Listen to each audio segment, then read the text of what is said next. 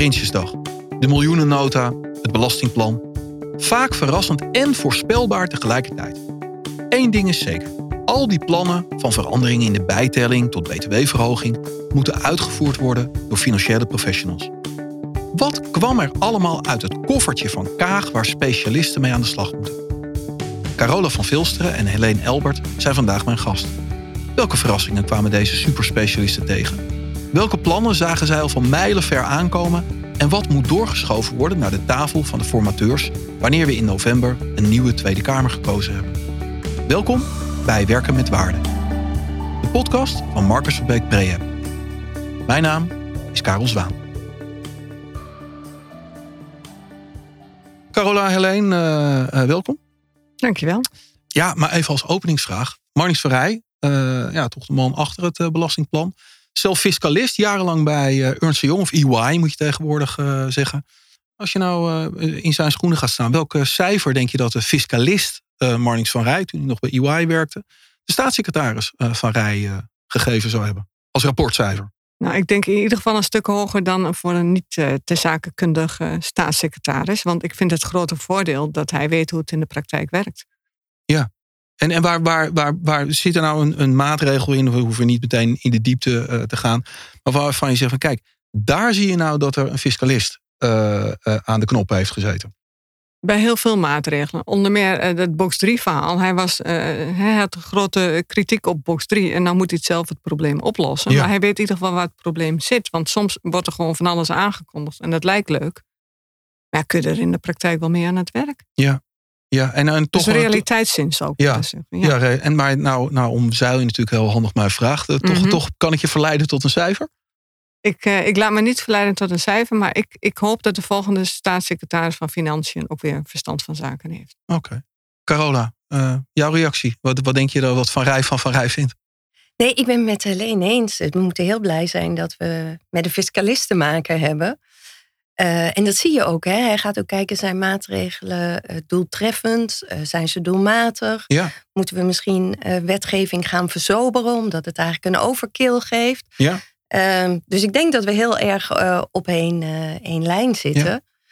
ja, en een cijfer misschien niet, maar een plaatje van de juf dan. Een plaatje van de juf, nou dat is toch helemaal van ja, Dat doe ik mee, dat doe ik mee. Dat doe ik ook een plaatje. Nou, ik zag het bijvoorbeeld zelf in, in die, die, die, wat ik las over die bedrijfsopvolging. Uh, Daar staat gewoon heel duidelijk van, ze komen met zes maatregelen, ja. uh, uh, geloof ik. Waar toch ook staat dat het simpeler moet, maar ook de notie van dat je als je dat, dat doet, dat er nog wel wat over is om, om op te volgen. Dat vond ik nou echt één. Dat ik denk van nou, ja. volgens mij pleit de man daar al zijn hele leven uh, ja. uh, voor. En is dat, uh, is dat nu geregeld? Ja, is gewoon wat aanscherpingen. Er zit nog, nog voldoende onduidelijkheid in natuurlijk. Maar perfect krijg je het nooit. Maar gewoon nou, dat de praktijk weet waar ze aan toe is. Ja. Dat vind ik belangrijk. Ja, ik, ik weet niet hoe jullie gaat, maar, maar op het moment dat je gaat, gaat lezen, het is, het is natuurlijk een veelheid van, van, van onderwerpen. Het maakt ook moeilijk met waar zullen we uh, beginnen. Weet je, je zit zo'n plan te lezen en soms denk je, soms, soms zijn er ook dingen die ga ik aan jullie vragen, want jullie hebben er verstand van. Van dat je denkt, nou, ik begrijp niet precies wat hier, uh, wat hier staat. En soms denk jij, dit is inderdaad een, een, een, een, een mooi nieuwtje. Uh, ja, en jij, Helene, ik zag op LinkedIn dat je tot diep in de nacht aan, een, aan, aan je nieuwsbrief gewerkt. Ja, ik moet en zal de eerste zijn dan. Ja, hè? precies, dat, precies. En, en qua, hè, want, want jij, jij bent ook heel erg bezig met fiscaliteit en, en, en mobiliteit, de, de auto. Um, wat, wat zijn nou de krenten in de pap? Uh, je hoeft ze niet allemaal meteen te noemen, maar waarvan je zegt van nou, dat viel mij nou op uh, bij, het, uh, bij het lezen. Nou, wat mij opviel is dat er een paar regelingen versimpeld worden. Dat is meestal niet in je, echt in je voordeel. Zo, als je een camper hebt, houd er rekening mee dat je tarief verdubbelt. Ja. En dan, tenminste, je krijgt nou 25% tarief, dat gaat naar 50. Ja.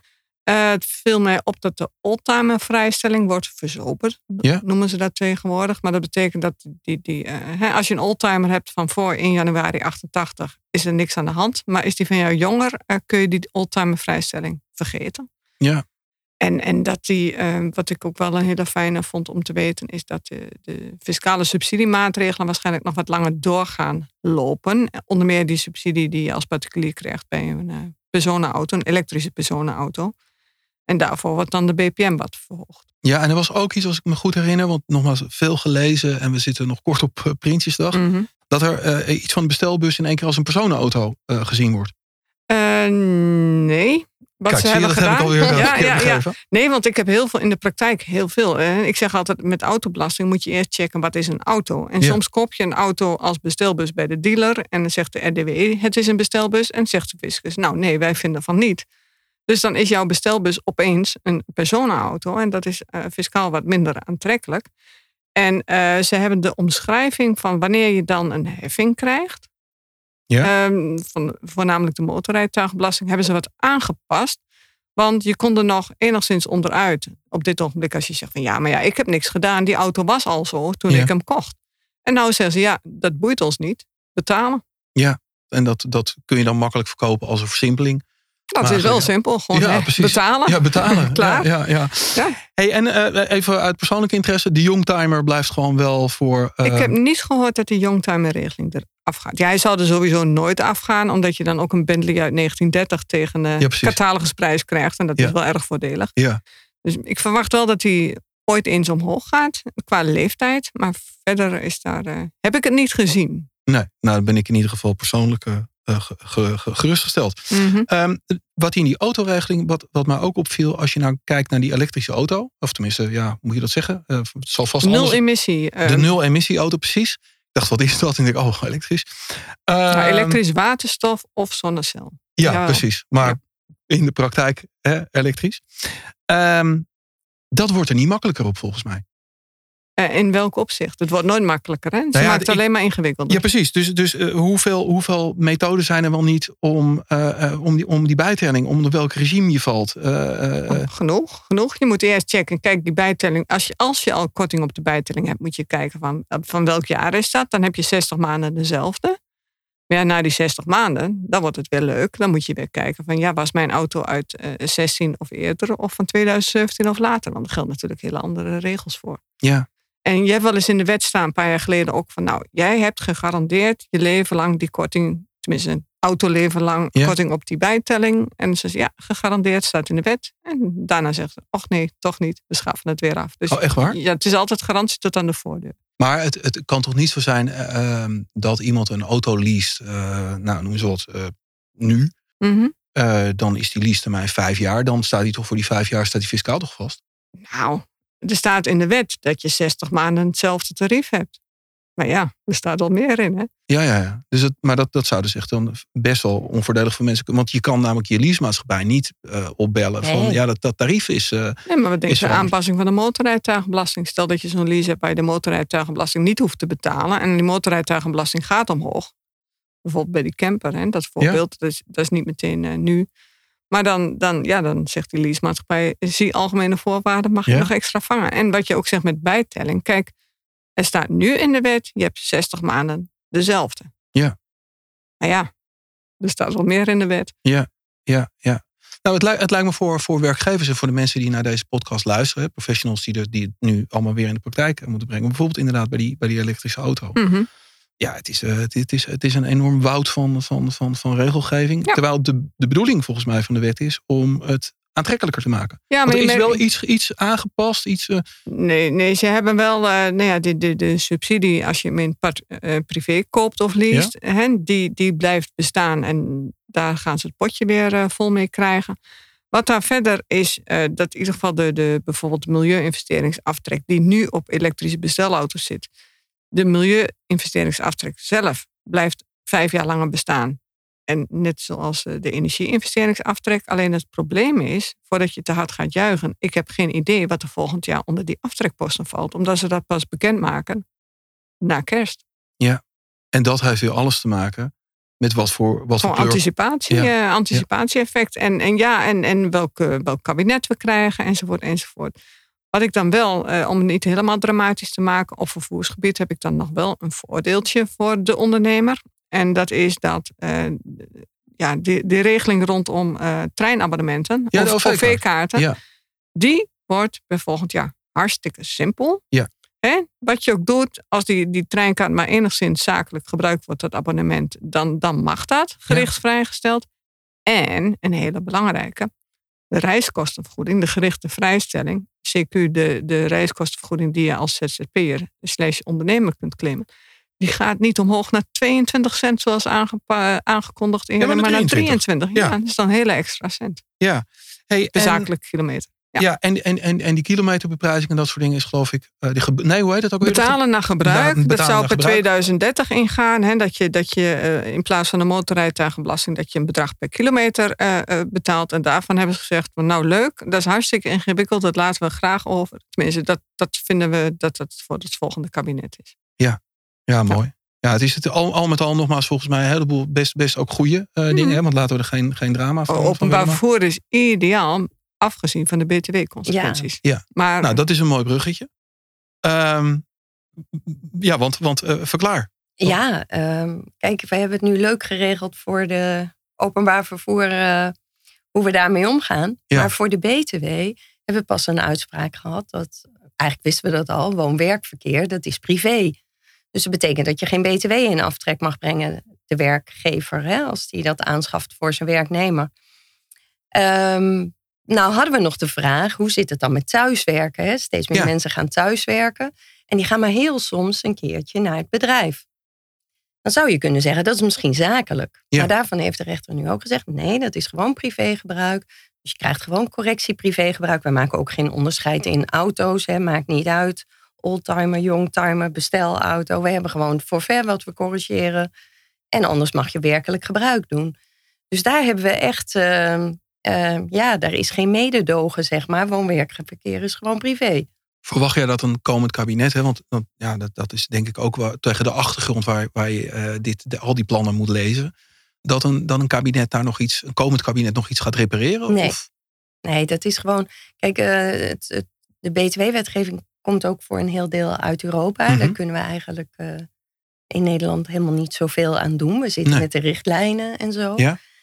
En ja, voor de BTW, daar kijken we niet naar andere belastingen. Dus sowieso is er heel veel ongelijk. Hè? Ja. Alleen het begrip auto is al anders. Wat is een nieuwe auto? Dat is al. Hè, we hebben samen een boek geschreven over auto. Ja, je verbaast je over alle verschillen die er zijn Ja. in de verschillende wetten. Dus dat een ondernemer of een ZZP'er ergens de weg kwijtraakt. Ja, dat begrijp ik wel. is, wel, is wel te begrijpen, ja. Nou, nou noem jij Europa. Ik, ik, ik zo, zo- las ook iets, en nou, ik hoop dat ik weer wederom dat ik het goed begrepen heb. Maar dat de, de Belastingdienst eh, uitgebreidere controlemogelijkheden ook bij BTW krijgt eh, in, in, in Europa. Nou is dat op zich natuurlijk helemaal niks. Hè? Als je niks te verbergen hebt, dan, dan is het ook niet, niet vervelend als mensen gaan controleren. Maar enig, enig idee wat dat dan precies inhoudt? Is dat, ja, Nou ja, er is een heel, ehm, een heel traject eigenlijk gaande. Eh DAC 7 is ingegaan dit jaar, 1 januari. Moeten we ondernemers die platforms hebben voor het eerst over eh, eh, rapporteren in januari, uiterlijk 31 januari 2024, over 2023.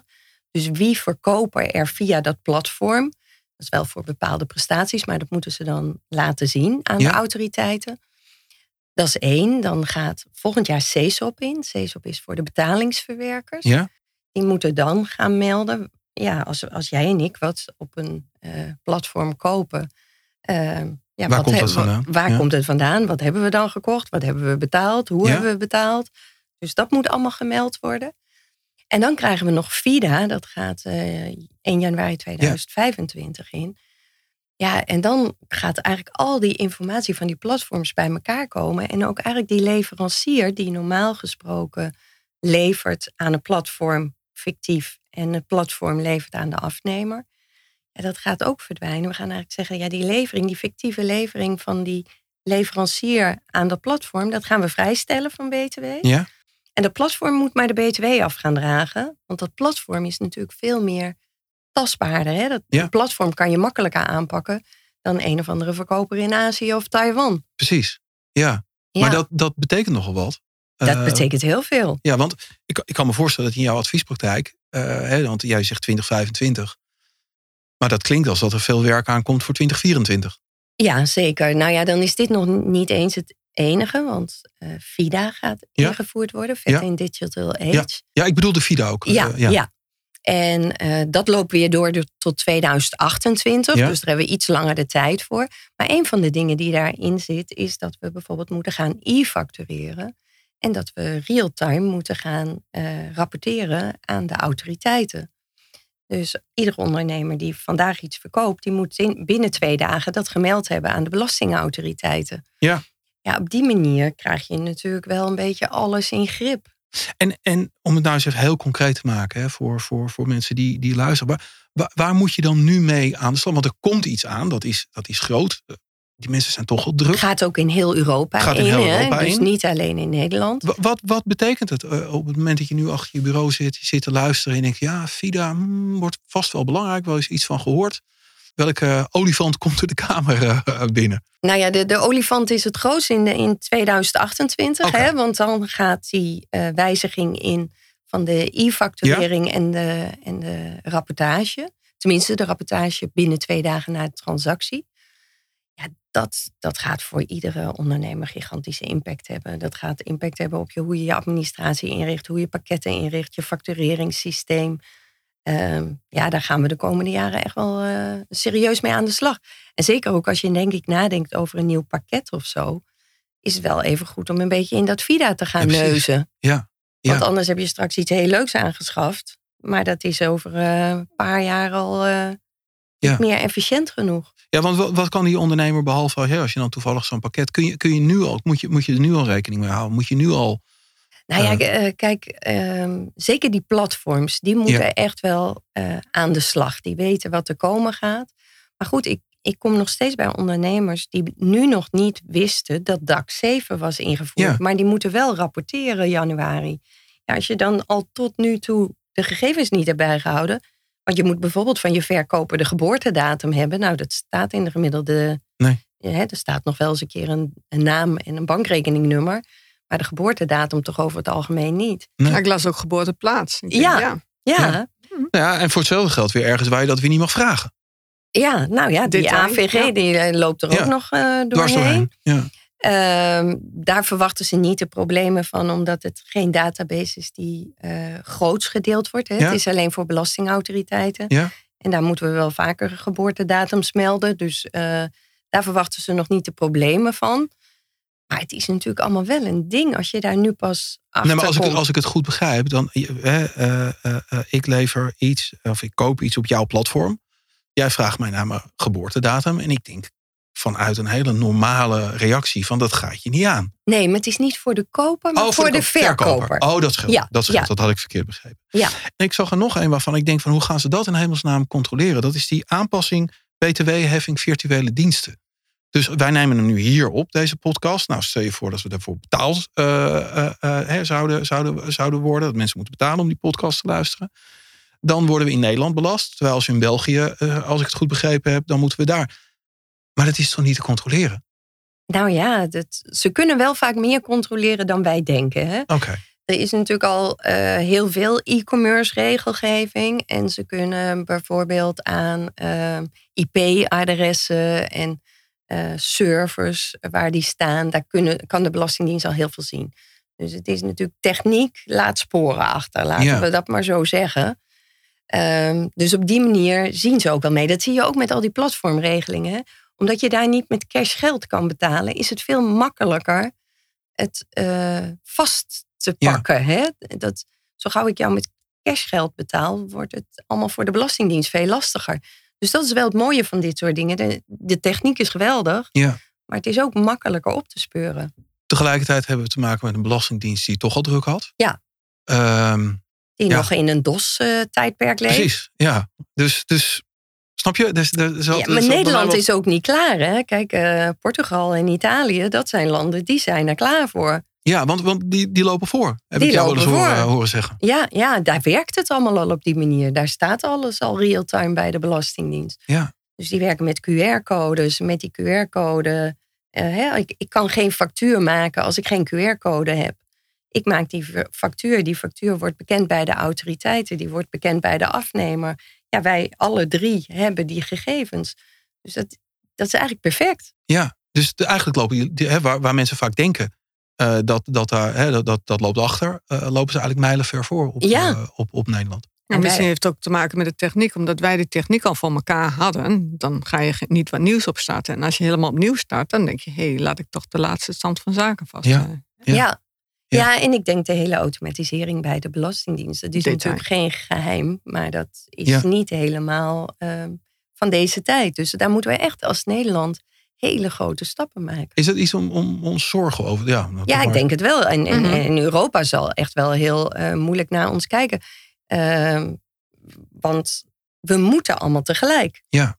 Dus we- Nederland kan niet zeggen, we kunnen even niet meer. Hè, we staan nu ook alweer ergens op een zijspoor bij de invoering van de eerdere regelingen. Ja. De e-commerce wetgeving. Dat moet bij ons, gaat dat ook allemaal niet volledig geautomatiseerd. Dat moet dan handmatig overgetypt worden.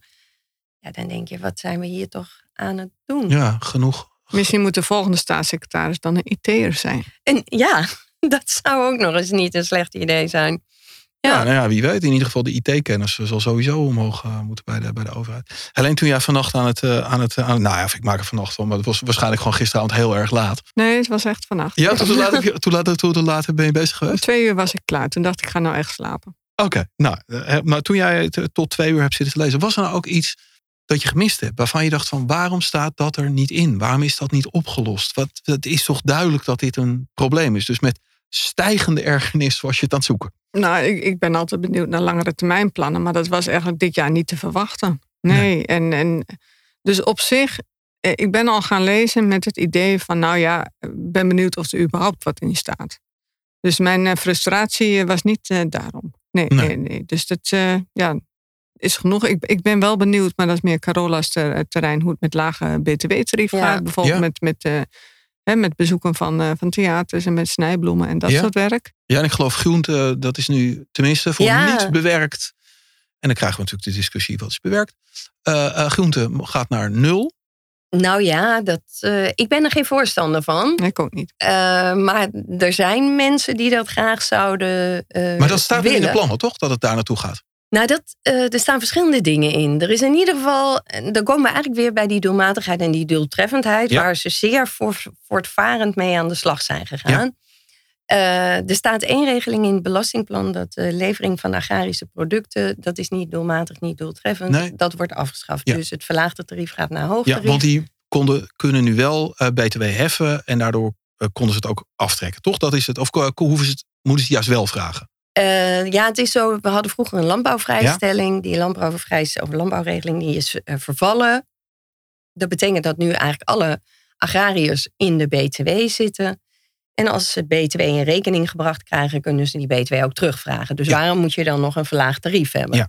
Dat is eigenlijk de achtergrond. Die lijkt logisch, toch? Dat is heel logisch. Dat is ook, denk ik, dat niemand daar eh, een probleem van maakt.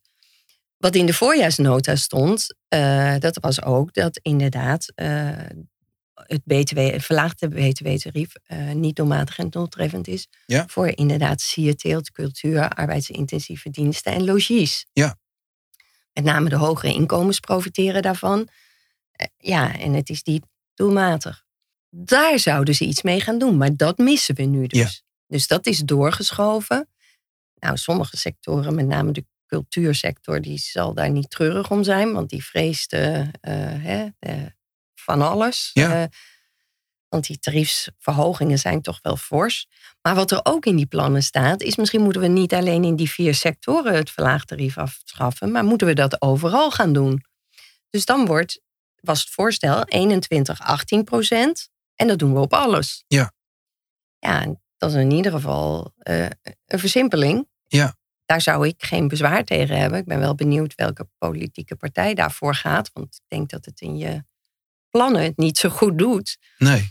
Uh, maar het zou wel in het systeem natuurlijk heel mooi zijn. Ja. Uh, dus, dus dat is één. En dan hebben we nog dat eten en drinken, wat, ja. waar het natuurlijk ook al heel lang over gaat. Hè? Gezonde voeding.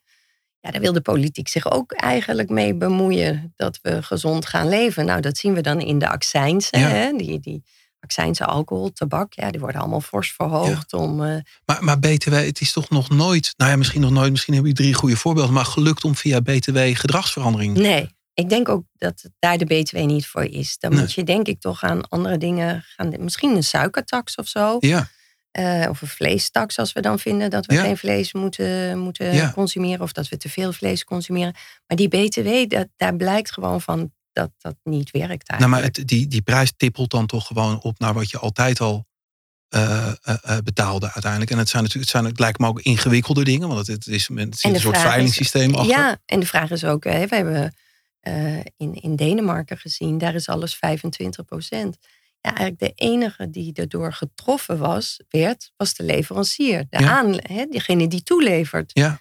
De consument merkte er eigenlijk helemaal niks van. Nee. Nou ja, misschien degene die ertussen zit zou misschien nog wat extra marge kunnen pakken omdat die BTW eraf is. Misschien dat dat in de praktijk uh, gebeurt. Bij kappers was het ook afgeschaft, toch? BTW, die waren toch ook niet juist naar nul? Ja, naar laagte. Nee, nee die zijn naar. Naar 9 procent. En dat is die arbeidsintensieve diensten. Daarvan is ook gezegd, ja, ik vind de kapper heel belangrijk. Maar uh, eigenlijk dat die... He, ze vinden mensen die veel naar de kapper gaan, die kunnen de kapper dus ook wel betalen. Dus die kapper kan best 21 procent zijn. Maar wat er wel toen gebeurde, die kapper ging van hoogtarief naar laagtarief. Ja, en je moest precies hetzelfde betalen bij de kapper. Maar als die kapper straks naar hoogtarief gaat. Ja, wel, wat gaat hij dan doen? Dan gaan we echt wel meer betalen. gaan we wel meer betalen, ja, ja, precies. Ja. Nee, maar dat, dat, dat lees je ook in commentaar. Hè, dat ze dus dat ook met, met gezond eten, rond ik het maar even af. Uh, uh, dat is één. En, en men vreest voor een discussie over, want er staat dan dat het niet bewerkt mag zijn. Uh, ja, en wat is dat? Appels worden ook gewassen voordat ze uh, de supermarkt inkomen. Is dat dan wel bewerkt, is dat dan niet ja, bewerkt? Of in stukjes. Of in stukjes, ja, precies. Uh, Volgens mij dan... wordt het vreselijk. Dus wat mij betreft doen ze het niet. Nee. Het is goed bedoeld, maar in de praktijk wordt het een drama, vermoed ik. Ja, want wat verwachten nog dingen bij, hè, bij het lezen? Helene, heb jij nog dingen waarvan je denkt van... oh, maar daar gaat straks bij die, bij die, bij die beschouwingen... gaan mensen daar nog echt het mes in zetten? Wat, wat verwacht je daar? Nou, ik ben even benieuwd wat ze gaan doen, want de accijns op brandstof, die, die, die verlaging gaat er af. Ja? Dus de accijns op brandstof zou dan per 1 januari weer omhoog gaan. Ja. En nou, dat is politiek wat gevoelig. Dus ik denk niet dat ze dat, uh, dat, dat doorgaat. Maar ja, ze moeten nog wel even financieren. Dus daar verwacht ik nog wel wat op. En dingen die gewoon, uh, ja, ik verwacht ook nog een heleboel rondom box 3. Hè, dat is een jaar uitgesteld tot 2027, het nieuwe systeem. Alleen afgelopen maandag heeft de advocaat-generaal, heeft de Hoge Raad geadviseerd van nou dat tijdelijke overgangssysteem, dat deugt eigenlijk ook niet. Moeten we dat ook niet eens aanpakken? Dus het hele box 3 verhaal wat nu in de, in de Prinsjesdagplannen staat. Ik vraag me af of het dan zo... Is dat haalbaar? Ja. Is dat haalbaar of niet? Ja, ja, en, en, nou ja, en of ze daar dan uitkomen met de Tweede Kamer, dat hoor je nu al heel veel zeggen. We moeten nog een half jaar wachten voordat de Hoge Raad, tenminste de Hoge Raad moet binnen een half jaar daar wat over zeggen. Maar ja, wat zit er van, over een half jaar van kabinet? Ja, ja, dus en, en, nou ja, en inderdaad, wat gaat het doen? Hè? Want ze moeten toch gewoon volgens mij nu gewoon een nieuwe meerderheid. En, en ja, die coalitie die, die is stuk. Dus dat wordt, uh, dat, dat, dat, wordt spannend. Ja. Ah, heb jij nog dingen, uh, Carola, waarvan je denkt van nou, daar, daar, daar komt uh, gedonder over, om het maar eens populair te zeggen? Nou ja, of het nu meteen komt, maar uh, zeker herziening op verbouwingen. Dat, dat wil eigenlijk de Belastingdienst gewoon heel graag. Ja. Kun, kun, je, nou, kun je dat even toelichten, wat, wat je daar precies mee Ja, je hebt uh, herziening van BTW. Hè, als het gebruik van de pand wijzigt uh, en je hebt de BTW afgetrokken en je gaat de pand gebruiken voor vrijgestelde prestaties, moet je BTW terugbetalen. En als het gaat over nieuwbouw of in wezen nieuwbouw, uh, dan is die herzieningstermijn het jaar van ingebruikname plus negen jaar. Ja. Uh, en op diensten niet. Dus als jij een pand ingrijpend verbouwt, maar het is geen nieuwbouw, ja en jij zorgt dat je de eerste half jaar daar uh, uh, short stay in doet. Ja. Wat belast is met 9% BTW nu nog. Um, dan mag je alle BTW in aftrek brengen. En het jaar daarna stop je de studenten in of weet ik wat. Maar in ieder geval vrijgesteld hoef je geen BTW terug te betalen. Ja. Dus dat is perfect. Er wordt heel veel gebruik ook van gemaakt. Wij adviseren er ook veel over. Dus het is een hartstikke mooi product op zich. Um, maar dat steekt natuurlijk de Belastingdienst. En er zijn ook al uitspraken nu geweest. Ja, dat, dat het eigenlijk nog makkelijker wordt, omdat die in wezen nieuwbouwcriteria zo sterk zijn geworden. Dat je heel snel verbouwingen hebt, dus geen herzieningen en volledig aftrekrecht. En het wordt toch voor vrijgestelde prestaties gebruikt na het eerste jaar. Ja, daar willen ze al heel lang graag wat mee. Dat zat nu weer in de voorjaarsnota opnieuw. Ja. En um, ja, de, de, ik, Daar verwacht je wel. Ik ben wel bang dat dat uh, misschien toch wel een keer er doorheen komt. Ja. Omdat men dat, en men is dan de Belastingdienst en de politiek, dat heel graag wil. Ja, ja. Um, ja, dus eigenlijk betekent dat als je wil verbouwen, ga dan snel verbouwen. Ja, en niet wachten tot uh, straks een nieuw kabinet denkt van nou we pakken het aan of dat Want er wij hebben geld is. nodig, hè? Ja, ja, nee, dus dat, dat, gaat, uh, dat, gaat, dat gaat zeker. Ja, vastgoed verhuis je niet zo. Nee. Ja, het is, het, is, het is heel veel, het, het belastingplan. Het lijkt, maar de strik lijkt een beetje te missen. Het, het zijn veel losse, uh, veel losse dingen. dingen. Wat je wel ziet is dat bijvoorbeeld het verschil tussen uh, BV's en, en eenmanszaken wordt, wordt wel verkleind. Hè? En, en werknemers, dat zie je wel. Want die MKB-winstvrijstelling gaat omlaag. Ja. En de zelfstandig aftrek gaat omlaag. En de, je krijgt ook de, de afschrijving van gebouwen wordt gelijk getrokken uh, tussen de inkomstenbelastingondernemer en de vennootschapsbelastingondernemer. Dus je ziet Ja. wel steeds een, ja, dat het meer um, allerlei dingen gelijk worden getrokken. Ja, en dus zouden, zullen dan meer mensen een BV gaan uh, oprichten waarschijnlijk, of niet? Dat, uh, dat hangt er vanaf. Het, het tarief voor de vennootschapsbelasting is nog gelijk voorlopig. Tenzij ze het weer aan gaan passen. Maar ja, het kan. Het Ja. kan. Ja. Maar een eenmanszaak ja, wordt steeds ja, minder voordelig omdat je minder belastingvoordeel hebt. Ja, precies. Omdat ze al die, die, die, die dingen het afschaffen. Ja, en je ziet het ook terug bij vastgoed. Hè? Uh, bij de levering van vastgoed heb je samenloopvrijstelling, Ja. BTW en overdrachtsbelasting. Dus uh, als je nieuw vastgoed levert of uh, binnen twee jaar na de eerste ingebruikname betaal je BTW van rechtswege, maar dan heb je vrijstelling overdrachtsbelasting. Ja, wat gingen we dan doen? We gingen heel veel aandelentransacties doen. Dus we gingen hè, de vastgoed-BV's Ja. verkopen. Ja, dan hadden, hadden we nu door de doorkijkarresten geen BTW en geen overdrachtsbelasting. Ja, daar is nu ook van gezegd, ja nee, dat gaan we niet meer doen. Dat staat wel in het belastingplan. Hè? Dat gaan we nu gewoon uh, overdrachtsbelasting heffen. Hè? 4% Ja. overdrachtsbelasting. Dus ook daar zie je eigenlijk wel weer dat die vastgoedsector... dat is ook wel een mooie melkkoe voor Ja. de overheid. Ja, het is, uh, die, daar kijken ze gretig uh, naar. Ja, Um, Carola, um, als slotvraag. Stel je nou voor, er komt straks een zakenkabinet. De telefoon gaat en ze weten je te verleiden... om de volgende staatssecretaris van Financiën te worden. ik heb Wat is- geen verstand van ICT, dus Ah, dat, dat- gaat hem niet worden. Maar wat is, het, wat, is het eerste, wat is het eerste dat jij gaat aanpakken? Het eerste. Nou ja, wat, waarvan je zegt van... oh, dat kan ik eindelijk regelen. Ja, als, als ik het dan kon regelen, één tarief voor alles. En niet allemaal eh verlaagd tarief voor dit, nul tarief voor dat. Blijft wel voor adviseurs lekker, al die andere, andere tarieven, toch? Ja. Het is minder om te adv- over adviseren als we flat tax hebben. Ja. Maar het zou, eh, het Dan zou een verademing zijn. Ja. Alleen, wat zou jij eh, aanpakken? Als bij jou de ik, ik telefoon gaat? zou, eh, als ze bellen, ja, ik heb hem nou doorgeschakeld. Maar ik zou zeggen, eh, eh, schaf die toeslagen af. eh, en die heffingskorting enzovoort, hartstikke leuk. Maar je kunt nu niet zeggen van, nou, ik verdien 1000 euro meer, dus ik betaal zoveel meer belasting. Het is gewoon heel raar geregeld. Laat gewoon afbouwen van allerlei kortingen. Als je ze dan af moet bouwen als iemand meer gaat verdienen, laat het gewoon heel geleidelijk gaan. En niet, ik heb 1 euro meer, dus ik betaal opeens weet niet hoeveel meer belasting. Ja, precies. En geen toeslagen, niks. Als mensen het echt nodig hebben, nou ja, wie weet een basisinkomen. Of, of doe een of andere subsidie, maar schaf dat hele circus af. Ja, want dan heb je ook echt, hè, was het natuurlijk Dat is gewoon duidelijk is. Ik, ik, ik, echt, als jij zegt van nou, ik verdien volgend jaar 1000 euro meer. Ik heb geen idee. Ik, kan Ik denk gewoon sowieso dat- dat de oplossing in subsidies ligt. En Ja. niet in eh, sturen op duurzaamheid of milieu. Nee, Of Doe wat gewoon dan ook. subsidie. Eh, dat gaat niet, eh, niet werken Ja. met fiscaliteit. Volgens mij is dat zelfs een uitspraak van Van Rij zelf. Je moet niet alles via de fiscus willen regelen. Nee, nee. maar dat was in een ander leven. Ja. Ja. En zet daar een termijn op dat je weet van ik krijg hem nog vijf jaar. Nou klaar, weet je wat je aan toe bent. Nou, hartstikke goed. Weten waar je aan toe bent. Ik vind het een mooie afsluiting. Jullie ontzettend bedankt eh, op, deze, op deze dag waar jullie het hartstikke druk hebben. Er wordt echt ontzettend aan jullie getrokken als superspecialisten. Om iedereen maar te vertellen wat, er, wat erin staat. Ehm, en jullie bedankt voor het luisteren. Vergeet je niet te abonneren op deze podcast. Dan mis je nooit meer een aflevering. En mocht je nog meer willen weten over Prinsjesdag... eh, luister dan naar onze Prinsjesdag-update... die we speciaal hebben gemaakt voor salarisadministrateurs. Je vindt deze update in de show notes en op onze website.